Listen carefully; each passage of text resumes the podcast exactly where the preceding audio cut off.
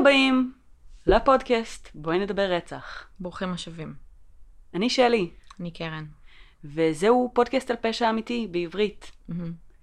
אנחנו מדברות כל שבוע על איזשהו מקרה שקשור לפשע עקביות. בארץ ובעולם. כן. עקבי. אה, אה, אם אתם שומעים את זה, אתם כנראה כבר אחרי. מה? מה? על מה את מדברת? אני מנסה לדבר על ההרצאה. אחי, היא מחר למי ששומע את זה. אני אומרת, אתם כבר, אם אתם שומעים את זה, אתם כנראה כבר אחרי. אחרי מה? ההרצאה! אבל היא מחר למי ששומע אותה. הפרק יוצא ביום חמישי, ההרצאה ביום שישי. למה אחרי? יואו, הפרק יוצא ביום חמישי, אני כן. התבלבלתי. למי שמאזין. בואו מחר. בואו מחר, אנחנו מעבירות הרצאה. כן. מי נותן לנו להעביר הרצאה? אנחנו קצת לחוצות מזה. אה, אז אז חשבתי שזה יהיה אחרי משום מה, ואז אמרתי כאילו... לא יודעת, לא משנה, אני לא זוכרת מה רציתי בכל להגיד. אופן, מדובר בכנס פודקאסטים מהמם. שנקרא פודסטרים, אה, וזה הולך להתקיים בלונדון מיניסטר באבן גבירול 30 בתל אביב, אה, וזה כניסה חופשית, אז לכל מי שמעוניין, slash הוא רעב ובא לו איזה סנדוויץ' באדיבות מייקרוסופט, ובירה. ובירה גם. אה, אז אתם מוזמנים לבוא ולשמוע אותנו מדברות, את על מה אני מבסוטה? ועוד כל מיני אנשים מעניינים. אנחנו אמורות לעלות באחת וחצי. כן, זה עלול להשתנות. בסדר, אבל כן. בינתיים. כן. שזה אחרי הסנדוויצ'ים והבירה. אהה. ואני מבסוטה על זה, כי אז אנשים יהיו כאילו פחות חדים, יהיו כזה, it's all good כזה. אני מבינה. אז אה, כן. לא, סתם, באנו קצת פשוט לחלוק קצת את הניסיון שלנו בכמעט ניסויים שנתיים. שלנו. כן, בכמעט שנתיים האחרונות. אמ, לא משהו ש... שבעצם אה, אמ, אין פה הפתעות שאתם לא יודעים עליהם, אין לנו שום תכנונים שאתם לא יודעים עליהם, אבל אה, זהו, יש כאילו, לנו תבואו, תכנונים. שהם לא יודעים עליהם, לא? לא, דיברנו על זה. אבל זה לא קשור אה, כי אנחנו רוצות להרצאה. לעשות מרץ' כבר, אז כאילו דיברנו על המרץ'. אמ, כן, לא היה לנו תכנון לעשות הרצאה. אה, יש לנו תכנונים ללייבים, הם יודעים את כל- את כל הדברים שהם כאילו... בסדר, אמ, רצינו איכשהו להיות, זאת אומרת, לשתף שזה אגב פעולה. חלק מההרצאה, כאילו. שיתוף וכנות. כן. כיף לנו איתכם. רצינו להיות שותפות באיזשהו אופן עם הכנס הזה, כי באמת אה, זו פעם ראשונה שקורה משהו כזה בארץ, וזה מאוד אה, אה, מרגש ומגניב, והרבה מאוד אה, אה, פודקסטרים אה, מגניבים אחרים יהיו שם. אה, אז באמת אה, חיפשנו איפה אנחנו יכולות אה, לתרום. לדחוף את עצמנו. בגדול. אה, זה עבד. אה, זה אז לקח בואו לחיים, אגב. תקשיבו לנו. כן. מה? אה, זה לקח לחיים. אה. אגב. פשוט בטח. תדחפו את עצמכם לדברים. כן. טוב, אז אה, ברוכים השבים לעוד פרק. אה, אנחנו חצינו את רף ה-80, מה זה אומר? 80 פרקים. אה, אוקיי, כן, עברנו את אנחנו ה-80. צריכות אה, להתחיל לחשוב על... אה, להתחיל מה עושים בפרק להתכונן. 100? אימא'לה. להתכונן לפרק 100. יש לי רעיון, אבל את לא תאהבי אותו. מי? היטלר? לא! אני חשבתי על היטלר. מה יש לך עם היטלר? זה דורוב. ברור. אז אה, כאילו אני, אני החלום שלי זה שפרק 100 יהיה לייב, אוקיי. אבל לא נראה לי שזה דורוב לייב זה חכם. אמ, כנראה שלא. אני רוצה שמישהו ידקור אותנו, אבל אה, אבל איך היא תדעי בעצם? כן, אין לדעת. איך היא תדעי? טוב, אה, היטלר לייב. לא, אחי. אוקיי. אני רוצה לעשות היטלר. תקשיבי, את יודעת מה צריך לעשות לגבי היטלר? לעשות קרוס עם אחד מהפודקאסטים על היסטוריה. אוקיי. וכאילו. כן, ולעשות פרק על היטלר, שהם יביאו את הצד ההיסטורי, ואנחנו נביא את הצד ההתנהגותי אה, פסיכולוגי, ויצא משהו מגניב. אז אנשים שיש להם פודקאסט על היסטוריה, אם אתם שומעים את זה, ובא לכם לדבר על היטלר, דברו איתנו. איתנו. דברו עם קרן ספציפית. זה השיטת שיווק שלנו. כן, אני מבוכית היטלר, דברו איתנו. אורייט, אז אה, מה שנעשה כרגע, כן. אני חושבת שאנחנו נעבור לקייס. קייס? אגב, רציתי להגיד לך, אני לא יודעת מה יש לי, יש מצב שזה גידול, אבל יש לי כאב ראש פסיכי אוקיי. שלא עובר. מאתמול. הייתי. בטוחה שגם אני כאילו, אני אתמול בדקתי לעצמי חום שמונה פעמים בערב, כי הייתי בטוחה, הרגשתי כל כך רע, היה לי בחילה וחום אין בעיה, ומה אני לא. אקח ויטמין C כשאני אגיע הביתה. עזבי תקחי ויטמין C, יש מצב שזה פסיכולוגי, ויש מצב שביום אה. שישי אני אהיה מושבתת. אה. just saying, שזה בגלל זה, יכול להיות שזה לחץ.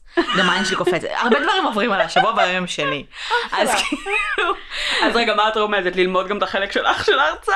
או ששתינו יכולות, ואז באמת ישנאו אותנו בעולם הפודקאסטים. בואי לא. אז בואי נתחיל, אה, בואי נעבור לקייס. אוקיי, אז בואי נדבר על הקייס. אמ, יש לנו היום אה, ממש התחבטתי לגבי הקייס של היום, כי בגלל שאנחנו עובדות על ה... בעצם הרצאה על הכנס, לא רציתי, את יודעת, רציתי לקחת משהו שאני מכירה, ושיהיה לי קל יחסית, אה, את יודעת, לאסוף עליו מידע, ושאני לא אצטרך עכשיו להתעמק במשהו, את יודעת, בטירוף כזה. עשיתי את ההפך, אוקיי. בסוף. אמ, אבל יחסית מצאתי את הקייס הזה מהר, אז אמרתי, טוב, זה שווה את זה. כי לפעמים אני מחפשת רק על איזה קייס לעשות. מלא זמן, ורק על זה, כאילו, חבל. אז אמ, אנחנו מדברות היום על קייס ישראלי. אוקיי. אמ, בעצם ה- זה הקייס של, אה, אמ, של משה קסטל. אוקיי. אמ, ואנחנו נתחיל פשוט מהאירוע, ממה קרה, בעצם ביום הרצח, בשלישי לספטמבר 97, אה, בערך בשעה שתיים בצהריים, בין אה, אבו גוש לבין הישור נטף, זה בעצם באזור הרי ירושלים, באמצע כביש, אה, שבעצם לצידו יש ואדי ומין כזה שביל עפר וצמחייה, נמצאות שתי גופות. אה, הגופות האלה אה, נורו מטווח אפס. אה, הראשון זה בחור בשם אילן דבש, הוא גנן.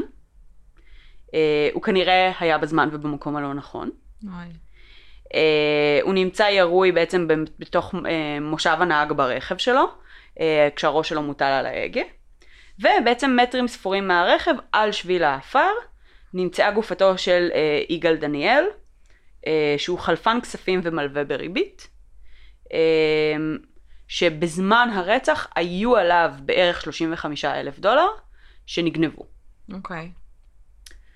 אוקיי, אז בעצם החוקרים מגיעים לזירה, אה, ואחד הדברים הראשונים שהם עושים זה לפתוח את הטלפון הסלולרי, שימי לב, 97. מהמם. לפתוח את הטלפון הסלולרי של יגאל דניאל, אה, ולראות בעצם עם מי הוא שוחח. אה, ככה הם בעצם מגיעים גם למידע של כמות הכסף שהייתה עליו, בעקבות מישהו שהעביר לו את הכסף הזה והוא היה אמור להחזיר לו את זה בשעה מאוחרת יותר של היום. אה, וככה גם מגיעים בעצם למשה קסטל, אה, שזה אדם שהוא נהג מונית אה, ירושלמי, שבעצם במהלך הבוקר של הרצח, הוא ויגאל דניאל דיברו בערך חמש פעמים. אוקיי. על? אה, We don't know. יש לנו רק אוקיי. את רישום השיחות כרגע. אמ, הוא בעצם הופך להיות החשוד העיקרי, ועוצרים אותו. מתחילים לבדוק בעצם טביעות אצבעות, אה, שרידי ירי. על- רגע, אין לו אליבי, מה הוא אומר? כאילו. הוא אומר שהוא היה בעצם, הוא נהג מונית, אז הוא אומר שהוא היה בנסיעה בדרך לתל אביב, אמ, אבל כרגע, את יודעת, עד שמאשרים, מאששים, ווטאבר, מתחילים לבדוק אותו. אז הם בודקים מלא ראיות פורנזיות, אה, ירי, DNA, טביעות אצבעות, בדירה, בבית, במונית, בכל מקום שכאילו, בזירה, סליחה. כל מקום שהם יכולים לנסות להצליב ראיות, הם מחפשים. טוב. הם לא מוצאים. כלום. לא, כי זה נשמע גם כאילו אין להם אפילו probable cause לעשות את כל ה... כאילו... הם יודעים שיש חלפן כספים, ויש את הבן אה, בן אדם הזה שדיבר איתו חמש פעמים ביום. אז מה? אה, למשה קסטל, במקרה, הוא מכור להימורים והוא חייב מלא כסף למלא אנשים. אה, אוקיי. סבבה. זה הסיבה העיקרית אוקיי. שמובילה את זה. אוקיי. אמ, אז בעצם, דבר נוסף שגורם להם, אמ, שככה מדליק להם את, ה, את הנורות, זה שהוא גם ככל הנראה מחזיר בימים שלאחר הרצח, משהו כזה, מחזיר סכומים, סכומי כסף שהוא חייב לאנשים, מהמם. אמ, והוא לא ממש יכול להסביר? איך ומאיפה, כמובן, גם כל העולם הזה מאוד מאוד מאוד אפור, אז קשה, גם אם זה, זאת אומרת, גם אם זה לא הסיבה, עדיין אה, זה בעייתי. אה, וביום הרצח המונית שלו נמצאה כשהיא שטופה ועם סימני ניגוב. איי איי איי. אוקיי. זה עדיין נסיבתי. זה מאוד נסיבתי. ובעצם אחרי חודש במעצר, כשהם לא מוצאים ראיות פורנזיות, הם נאלצים לשחרר אותו. מהמם. הם גם לא מוצאים את כלי הרצח, הם לא מוצאים כלום שיקשר אותו לפשע. אוקיי. אמ, בעצם חודש אחרי שמשחררים אותו, אמ, מקבלים צו בית משפט להנחת ציוד ציטוט אצלו בבית, אוקיי. אמ, שהוא כבר לא גר בו.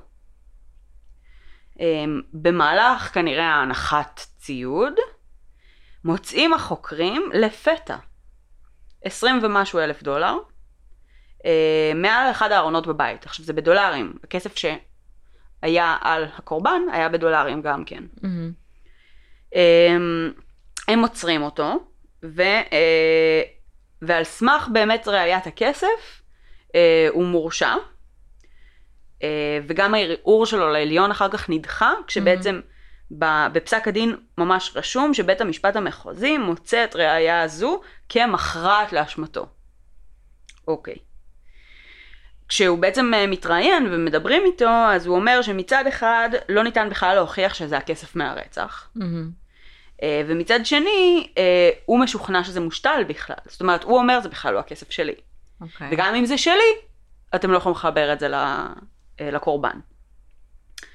אה, עכשיו, באחד הפרומואים, אה, אה, צילומים מהסדרה, אה, יש בעצם אדם שטוען, ש... איזה סדרה? אה, נכון, לא אמרתי את זה. יש סדרה. אוקיי. התכוונתי להגיד את זה אחר כך. אה, זה אה, מה יש שאת, סדרה, מה כן? של ליאס דוקו, מהמם. שבעצם משודרת השבוע. אה, זו סדרה שיצ... שהיוצרים שלה עבדו עליה באזור השש אה, שנים לפחות, אה, על הקייס. אז באחד מהצילומים האלה, אה, בעצם יש אדם שטוען ש, אה, שיש טביעת אצבע של גורמים מהמשטרה על הכסף, אין טביעות אצבע של קסטל. אוקיי. אבל הבן אדם שאומר את זה, אני חושבת שזה, זאת אומרת, בן דוד שלו או משהו כזה, אה, ואני לא יודעת כמה, כמה זה מהימן. עכשיו, לרצח עצמו היה עד ראייה.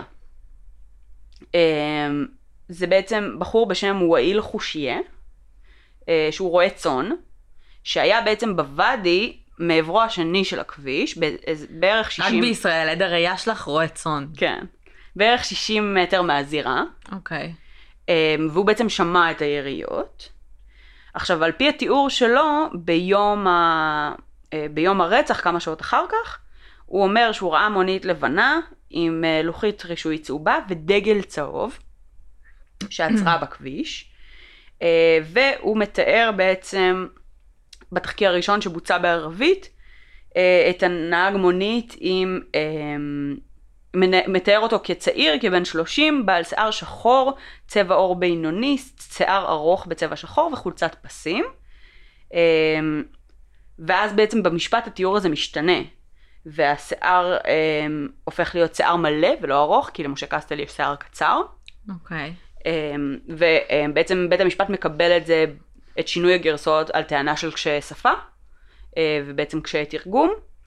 אמ, וקסטל טוען שהוא בעצם לבש טישרט לבנה באותו יום, זה גם מה שהוא מגיש למשטרה כראיה פורנזיק לבדיקה, אבל אשתו טוענת שבעצם לרוב הוא היה לובש טישרט, ומעל זה חולצה מכופתרת, רובן עם פסים. אה, והיא אומרת גם שיש חולצה אחת שחסרה. זאת אומרת שהיא מכירה את המלתחה שלו, ושיש חולצה אחת שהיא לא רואה. אשתו? אשתו אומרת את זה. מעניין. מעניין. אה, זוכרת שאמרנו שהוא כבר לא גר בבית? אני חושבת שאשתו לא ממש האמינה לו. אבל לא יודעת לגבי זה. אוקיי, אמ... וואיל מתאר בעצם בן אדם נוסף, ישב ליד הנהג, אה, צעיר כבן 30 עד 35, צבע פנים לבן, שיש לו קצת למעלה בראש קרחת. אמ... הוא מתאר שבעצם עם עצירת המונית, הוא ראה את הבחור עם הקרחת, יוצא מהמונית, מקיף אותה מאחור, הולך לכיוון שביל האפר, אז הוא שומע 2-3 יריות, הוא לא רואה כלום. אמ, אז מגיע הרכב הנוסף, אה, של כנראה הגנן המסכן. וואי וואי. אה, הוא שומע צעקות ומשהו בנוסח מה אתה עושה, כנראה שמישהו פשוט הגיע כעד בטעות למקום רצח, ואז הוא שומע עוד יריות, אמ, ואז הוא רואה את המונית עוזבת כשרק הנהג בתוכה, אה, ועל פי הגרסה הזו בעצם נהג המונית לא יוצא מהרכב כל האירוע, זאת אומרת הנהג הוא לא היורה. אבל הדודי עם הקרחת נשאר בזירת פשע כאילו? לא ברור לי. נעלם? מה לה עכשיו? היה שם גם עוד תיאור של עוד מישהו שיצא מהרכב השני, ולא לגמרי הבנתי את זה, אבל בסופו של דבר לא ברור כל כך לאן נעלם הבחור שהיה לצד הנהג, אבל בסופו של דבר הוא רואה רק את הנהג נוסע מהמקום. אמ, ומבחינת בית המשפט, הם אומרים, אה, זה לא כל כך תואם לסיפור, אבל לא אכפת לי. מה שהכי חשוב בעיניי, זה שהוא ראה בן אדם במונית, וזה נהג מונית. עכשיו, משה קסטל בא ואומר, אבל אין לי דגל צהוב על המונית שלי. הם אומרים, אה, בקטנה. זה בסדר. אוקיי. אחד הדברים הנוספים שמשתמשים בהם בעצם בתהליך אה, להרשעה של אה, משה קסטל, זה איכון סלולרי. Mm-hmm. יצאנו להיתקל בזה מספר פעמים, אבל היופי פה, שאנחנו בשנת 97, וזה אפילו לפני המקרה של עדנאן סעיד מסיריאל, mm-hmm. שהיה שנתיים אחר כך, וזה המקרה הראשון בישראל שאי פעם השתמשו באיכון סלולרי בשביל להרשעה. ובעצם הוא אומר, אני הייתי בדרך לתל אביב, הם אומרים, הסלולר מראה שהיית בקרבת הזירה. Mm. ואז בעצם כשחוקרים אותו על דוכן העדים, כנראה שהוא משנה ברמה מסוימת את הגרסה, והוא אומר, אולי סטיתי לתדלק. מבחינת בית המשפט, הוא היה לא עקבי בגרסאות איפה שלו. איפה זה היה שם? מה? איפה זה היה? זה ליד הרי ירושלים, בין אבו גוש ל... זה לא סוטה, כאילו. אם הוא נוסע בכביש ירושלים תל אביב, אני לא יודעת. הוא אמר שהוא נסע בכביש ירושלים תל אביב? כן, כביש אחד. טוב. Um, בכל אופן, מבחינת בית המשפט, הם אומרים, שינית את הגרסה שלך, הם אומרים, האיכון הסלולרי שם אותך שם, והאליבי שלך לא שווה כלום. אה, אממה, עשור אחר כך, אותו עורך דין שהיה עורך דין של משה קאסל, uh, בעצם מנהל משפט על קייס אחר לחלוטין, שבו המדינה מציגה עד מומחה שטוען שבעצם איכון סלולרי uh, הוא בעצם uh, כלי לא ש... מימן. ש... בדיוק, שמדויק רק ב-40 אחוז. אז, uh, אז הוא אומר כאילו, רגע, פה הרשעתם אותו על סמך זה, ואז המדינה באה ומציגה עד מומחה שמראה כמה שזה לא מהימן. Uh, והוא אומר בצילומים שמדברים איתו, uh, שלצורך השוואה, פוליגרף בעצם יש טווח טעות של 5 אחוז, פה מדובר על 60. אם בפוליגרף לא כן. משתמשים, בטוח שבאיכון סלולרי לא צריך להשתמש. אה, דבר נוסף שקאסל אומר, כשמראיינים אותו, זה די פשוט, אם הייתי רוצה לרצוח אותו בשביל הכסף, אז הייתי שודד בנק.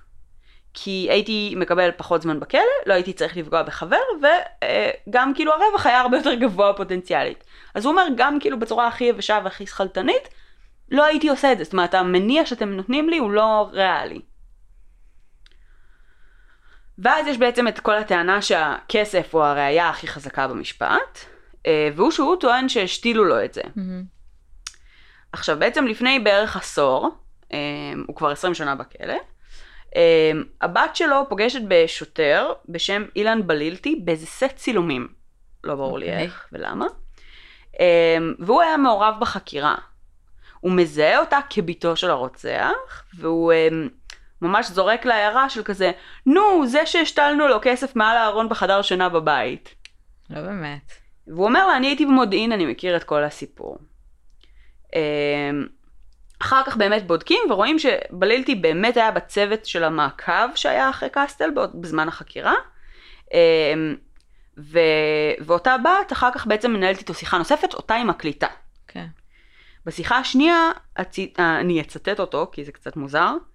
אה, הוא אומר, אז אני אמרתי לך, נכון, מה השתילו, לא יודע, לא אני מהזיהוי הפלילי שנכנס לבית, אני מהמעגל החיצון. היא שואלת, אז למה אמרת לי באותו יום שהם השתילו? הוא עונה, חשבתי, לא זכרתי, אני לא מכיר את הסיפור על בוריו, אני מה אמרתי לך, אני הייתי במעגל החיצוני.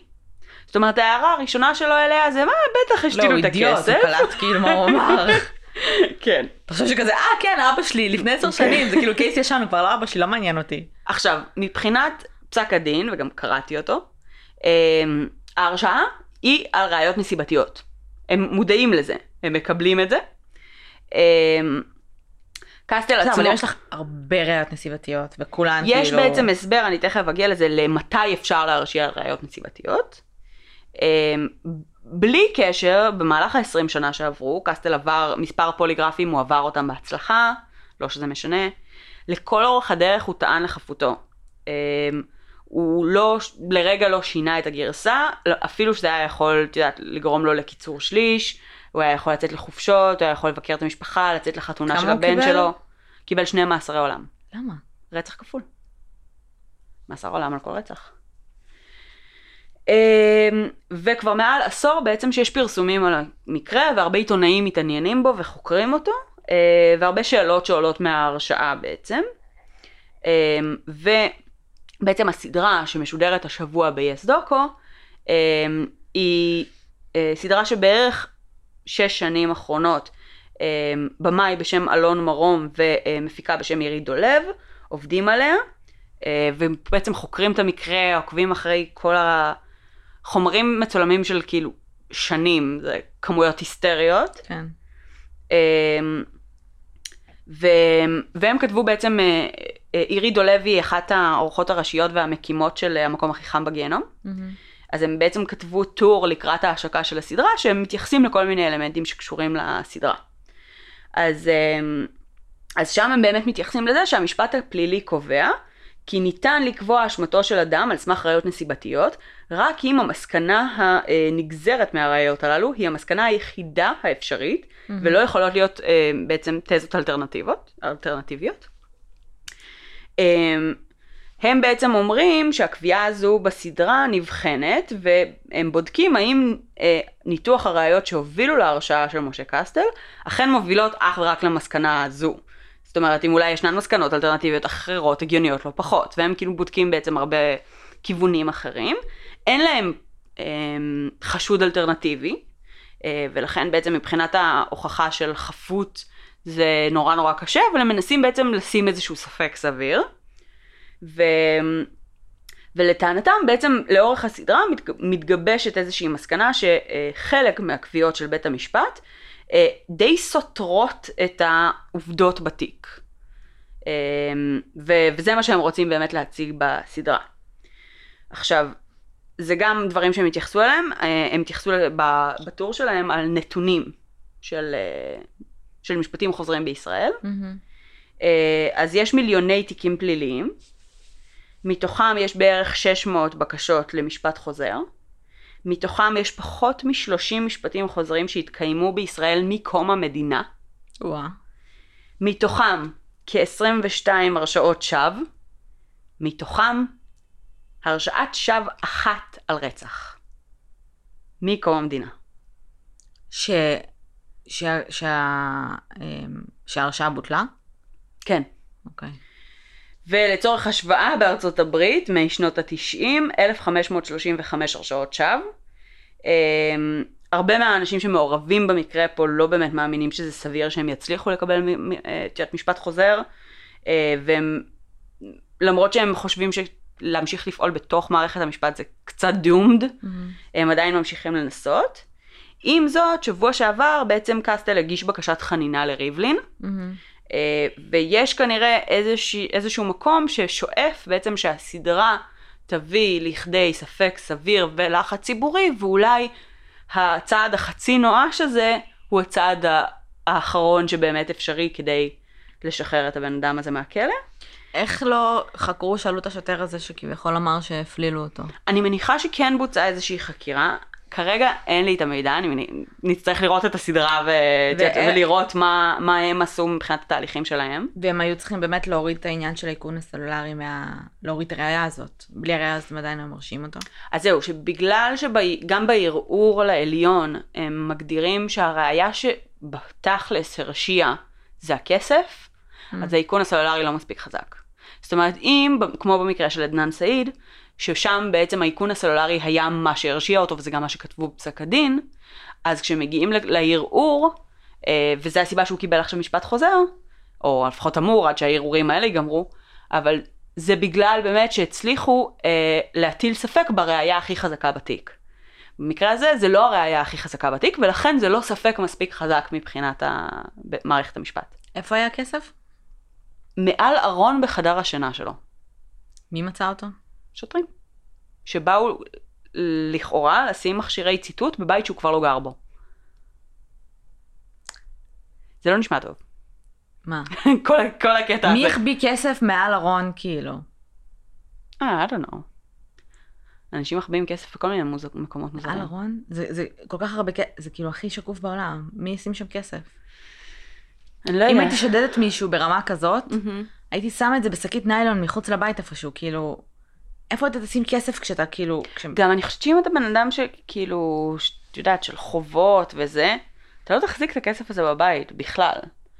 אמ, מצד שני, גם, גם שוב, אין להם שום הוכחה שזה באמת הכסף. וזה בן אדם שמתעסק בהימורים, פוטנציאלית יש לו סטאשים של כסף שהוא מחביא בכל מקום, כדי שהוא לא יצטרך להחזיר אותו, כדי שהוא תהיה אבל- להמר. בשביל- אבל, טוב, בסדר, אבל הוא טוען שזה לא שלו, אז זה כבר משהו אחר. כן. כי אם הוא היה אומר, תקשיבו, זה שלי, אבל זה לא קשור, מילא, אבל אם הוא טוען שזה לא שלו, הוא אומר, בעיה הוא הרבה יותר אומר גדולה. את שניהם, סוג של. זאת אומרת, הוא אומר גם... אחי, אבל כאילו, אתם... פיק וואן. הוא, כן. הוא גם בעייתי, זה גם עניין. זאת אומרת, הוא לא נראה טוב בכל הסיפור הזה גם, גם עם החולצה, גם עם המונית, גם עם הרבה מאוד, אה, גם הדרך שבה הוא מדבר ומתייחס לקייס, אה, היא, הוא לא אומר, אני לא רצחתי אף אחד. הוא אומר, הראיות שהם מציגים לא מספיק טובות. עכשיו, גם כשאתה נמצא 20 שנה בתוך, את יודעת, העולם הזה, אתה יודע על מה, מה העולם הזה מסתכל ועל מה לשים דגש, ואתה גם לומד להתייחס לדברים האלה. אבל הרבה פעמים אנשים שאת יודעת, שנמצאים 20 שנה בכלא על פשע שהם לא ביצעו, הם גם תמיד יזכירו את, ה, את החפות שלהם, כן. במובן של, אני פשוט לא עשיתי את זה, אני פשוט לא הייתי שם, או כל מיני דברים כאלה. אמ, אבל that being said, הוא עדיין 20 שנה טוען לחפות, והוא מעולם לא אה, שינה את הגרסה שלו בשביל שיהיה לו חיים יותר קלים. שזה גם די מוזר. אבל נכון אמרת שאחד הדברים שהרימו דגל זה, זה שהוא התחיל להחזיר כסף לאנשים אחרי? מאיפה הכסף? מה הוא אמר? הוא לא יכל להסביר מאיפה. אני לא יודעת, אחי. מה זה לא יכל העולם הזה, אני להסביר? אסביר לך, אוקיי? זה שוק אפור. זה עולם שבו אז הוא אתה כאילו לווה חייב... כסף כדי להחזיר בדיוק? אתה לא, חייב- אבל זה מה שהוא אמר אבל? אתה אני יודע. לא יודעת מה הוא אמר, אני לא קראתי את אה. המסמכים, אני לא, אני, זאת אומרת, יודעת בדיוק מה הראיות. אני יכולה להגיד לך שממה שאני מניחה, הוא נתן לשוטרים איזשהו חרטוט כנראה, שקשור לזה שלוויתי, לקחתי, בלה בלה, אבל הוא גם לא- כנראה לא רוצה להגיד שמות, כי הוא גם בסדר. לא רוצה, את יודעת, שיהרגו אותו. עכשיו, אה, גם אחד, הבמאי של הסדרה, הוא כתב על זה פוסט בפייסבוק שקראתי, ש, שהוא מתייחס לזה שכשהוא התחיל את התהליך הזה, והוא הלך ל, לראיין אה, עם מכשיר הקלטה סמוי, כאילו בלי שהבן אדם יודע, אה, מישהו מהשוק האפור, אז הוא חשש לחיים שלו, והוא לא ידע ממש איך מתנהלים ומה מה העניינים. אה, ו... וזה עולם שלם שאתה לא יודע איך להתנהל בו. עכשיו הוא כנראה התנהל בו בסך הכל בצורה די טובה, והוא היה מהמר והוא היה חייב כסף לאנשים, וגם הסיפור הזה עם, אה, עם בחור שנהרג, הוא בבוקר לקח כסף משותף, זאת אומרת איש, איש שהוא עובד איתו, כדי להביא אותו למישהו אחר, כדי להחזיר לו את זה עד לשעה שתיים בצהריים. זאת אומרת, היה אמור להיות שם איזשהו מעגל שלם של הכסף מחליף ידיים וחוזר לבעלים המקוריים שלו בטווח של איזה שלוש שעות. אנחנו לא לגמרי מבינים מה המשמעות של הדבר הזה ולמה לעשות, את יודעת, כאילו פעולה כל כך אקססיבית.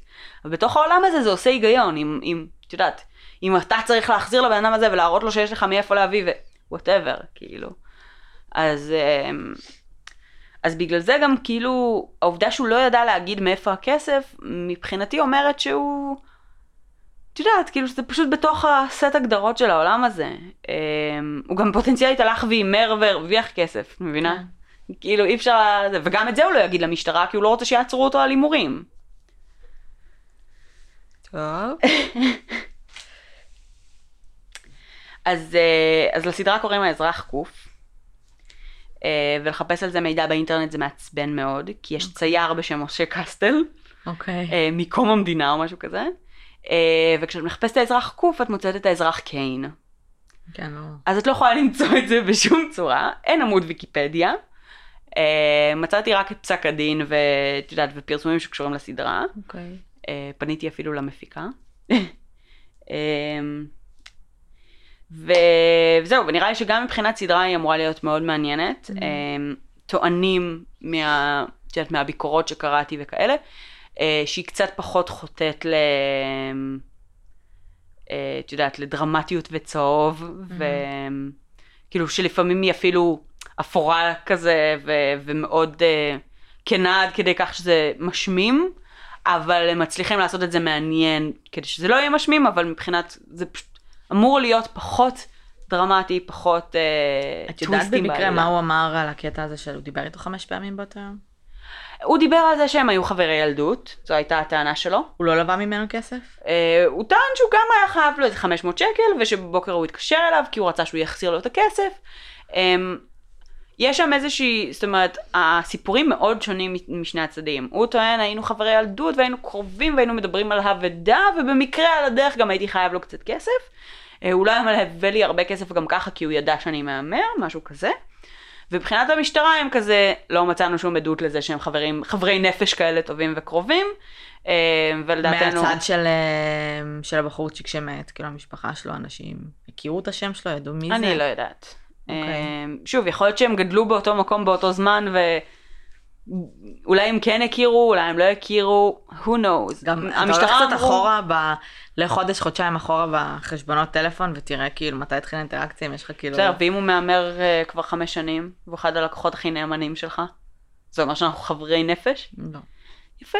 אז מבחינת המשטרה הם אמרו שהם מאמינים שהקשר ביניהם נוצר באמת עקב הלוואות, ושאולי נוצר קשר שהוא קצת מעבר לזה לאורך הזמן, אבל הם לא מניחים שהם באמת אנשים קרובים אה, או כן. משהו כזה.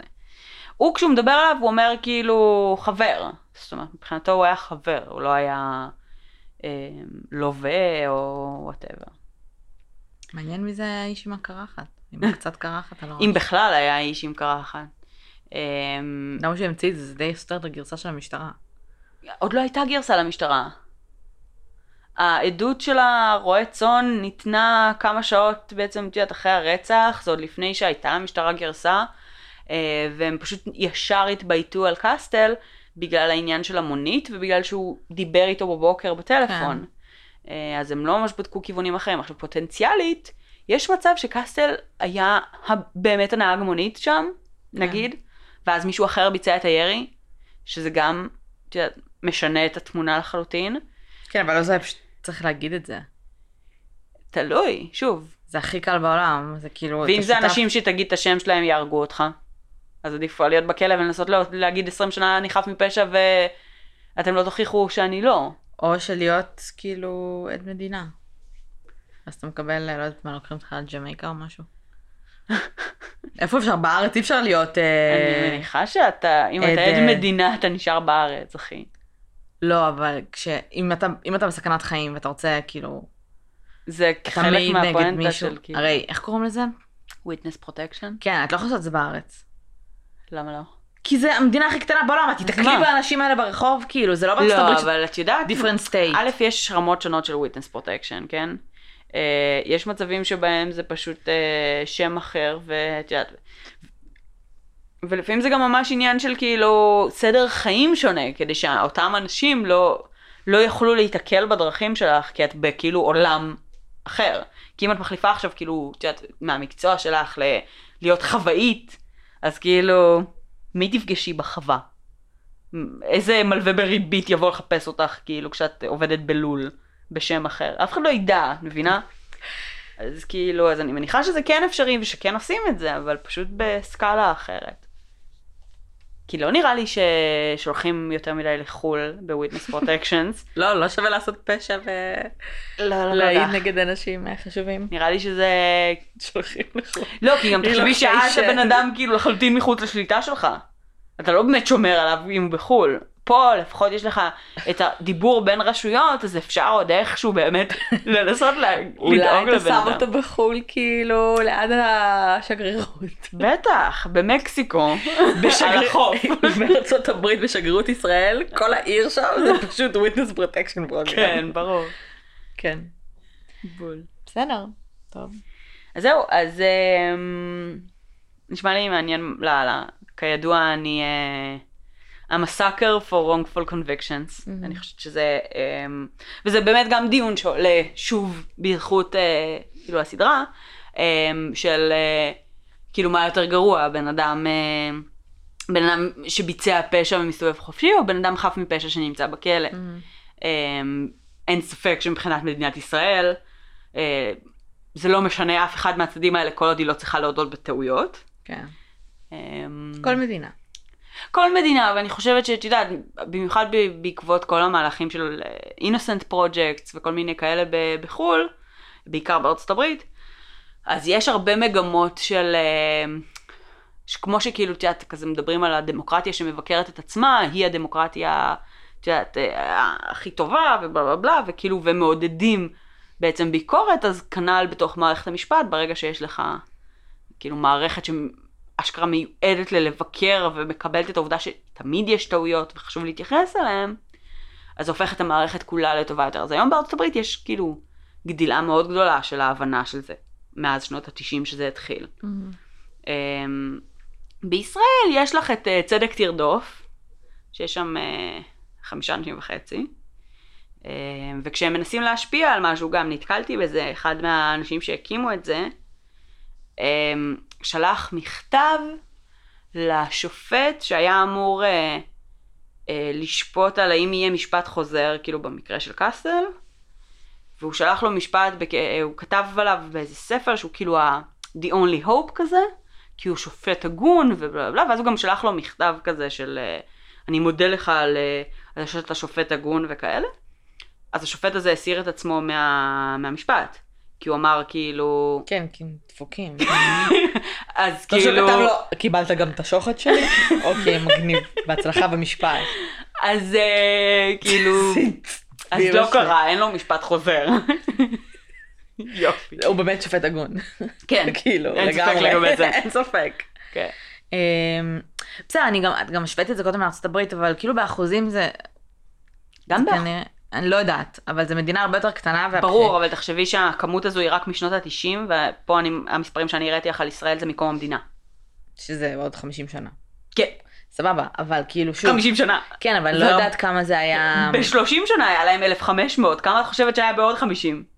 לא יודעת, יכול להיות שלפני. היה פחות. אני לא יודעת, אני לא יודעת כאילו מה...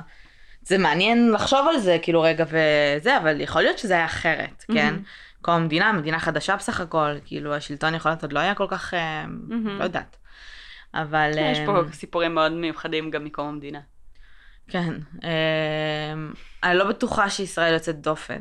זה כאילו, מבחינת הגישה של מערכת הצדק. אה, אני מניחה שלא. וגם בארצות הברית, שזה כאילו, אני מתייחס לארצות הברית, כי זו פשוט מדינה ענקית, עם כל המודעות ועם כל הזה, זה זה רחוק המון, מלהיות, ברור. אמ, אמ, אפילו מושלם זה לא המילה, רחוק מלהיות כאילו, מה את עושה? אני מנסה להבין אם יש לי שריר או גידול. אני לא מצליחה להבין מה זה. קרן ממששת לעצמה את הזרועות כבר איזה כבר רבע שעה. כי הבנתי שאני, כי ישבתי בצורה מסוימת והרמתי כזה את היד. היא איזה שריר של יד אחורית, לא, כן לא. אחי. אחותי, אין לי יד אחורית, אני לא יודעת לעשות תרגיל. יש לך יד לא, אחורית. זה לא אחורי, זה פה. זה יד אחורי. זה בול השריר, אחי. לא משנה. אז אני נוגעת בזה, וזה, וזה כזה קשה, אז אני מנסה להשוות בצד השני כדי לוודא שזה לא? גידול. פחות. זה, לא, זה באמת אחד המלחיצים. זה יד אחורית. תראי אחר כך. בסדר. טוב. אמ, סבבה, יש לנו משהו להוסיף? שקרן צריכה לעבוד על היד האחורית שלה כנראה. על היד האחורית של יד שמאל, כי יש פה פחות, מסתבר. כן. אמ, טוב, חברים, שיהיה לכם סופש נעים. אולי נתראה מחר. תבואו תנו לנו כיף. תבואו תנו לנו כיף. אמ, ספרו לנו על דברים שהייתם רוצים לשמוע, אה, על המלצות שלכם, אה, ואנחנו נשמח ככה... יש את שרשור ההמלצות בקבוצה שאפשר להוסיף אליה. אני גם היום כשחיפשתי רעיון לפרק נכנסתי כן. ובדקתי מה יש שם. ותהיו חברים, תעזרו לנו לגדול. תעשו לנו לייק בפייסבוק אם עדיין לא עשיתם, תספרו לחברים, אבל תספרו להם מה הקונספט של הפודקאסט, שלא יבהלו. שלא אמ, ייבהלו. תעשו לנו follow ב Podbean, תגיבו לנו ב Podbean, תדרגו אותנו ב iTunes, בפייס... בדברים שאפשר לדרג אותנו בהם. פייסבוק יש אפשרות גם כשאתה נותן למישהו איקס כוכבים, לרשום על זה איזה ביקורת, כמו ביקורת מסעדות וכאלה, אז תרשמו לנו כמה מילים אה, על, אה, על החוויה שלכם מהפודקאסט, ואם אתם ממליצים אז אה, למה ואיך, זה ממש עוזר לנו, זה מגדיל לנו את החשיפה וגורם לעוד אנשים להכיר אותנו. אה, זהו, תודה רבה שהאזנתם, מקוות שהיה לכם מעניין, ו... למי מכם שכבר הספיק וראה את הסדרה, אה, ספרו לנו איך היא, ומה אתם חושבים. אה, האם אתם בעד אה, משה קסטל או לא? אני, אני, אני מספיק מידע בכדי להביע דעה בשלב הזה, אבל אני אשתדל למצוא דרך לראות את הסדרה. אה, וזהו. היא עוד לא. שודרה, אבל כשהפרק יצא היא כבר אה, תשודר. מה? אה, כש, אה, כשהפרק יצא היא כבר תשודר? מה הם הולכים לעשות? זה כאילו פרק שבועי כזה? ראשון, שני, שלישי. זהו. אה, זה שלושה פרקים? כאילו כן, זה מה שאני הבנתי. פרקים. הבנתי. אה, הרגע, לי, הרגע עלה לי את הפרק המושלם בערך לפרק 100 ובלייב. אוקיי, the Staircase. אוקיי. לא מה? התרגשתי. הוא סופר מעניין. הוא סופר מעניין, אבל לא בשביל פרק 100. אחי, זה קייס ענק, יש עליו מלא עדכונים, פלוס יהיו צחוקים עם הינשוף. נחשוב על זה. אה, מה אתם הייתם רוצים לשמוע כפרק 100? או כפרק לייב, נכון, היטלר? סתם, אה, גם אם לא, אז אתם מוזמנים לעדכן אותנו. אה, וזהו, אנחנו נהיה בקשר, שיהיה סופש נעים וחמסין נעים, מסתבר. כן, קיץ נעים. כן, וזהו, יאללה ביי יוש. ביי. ביי.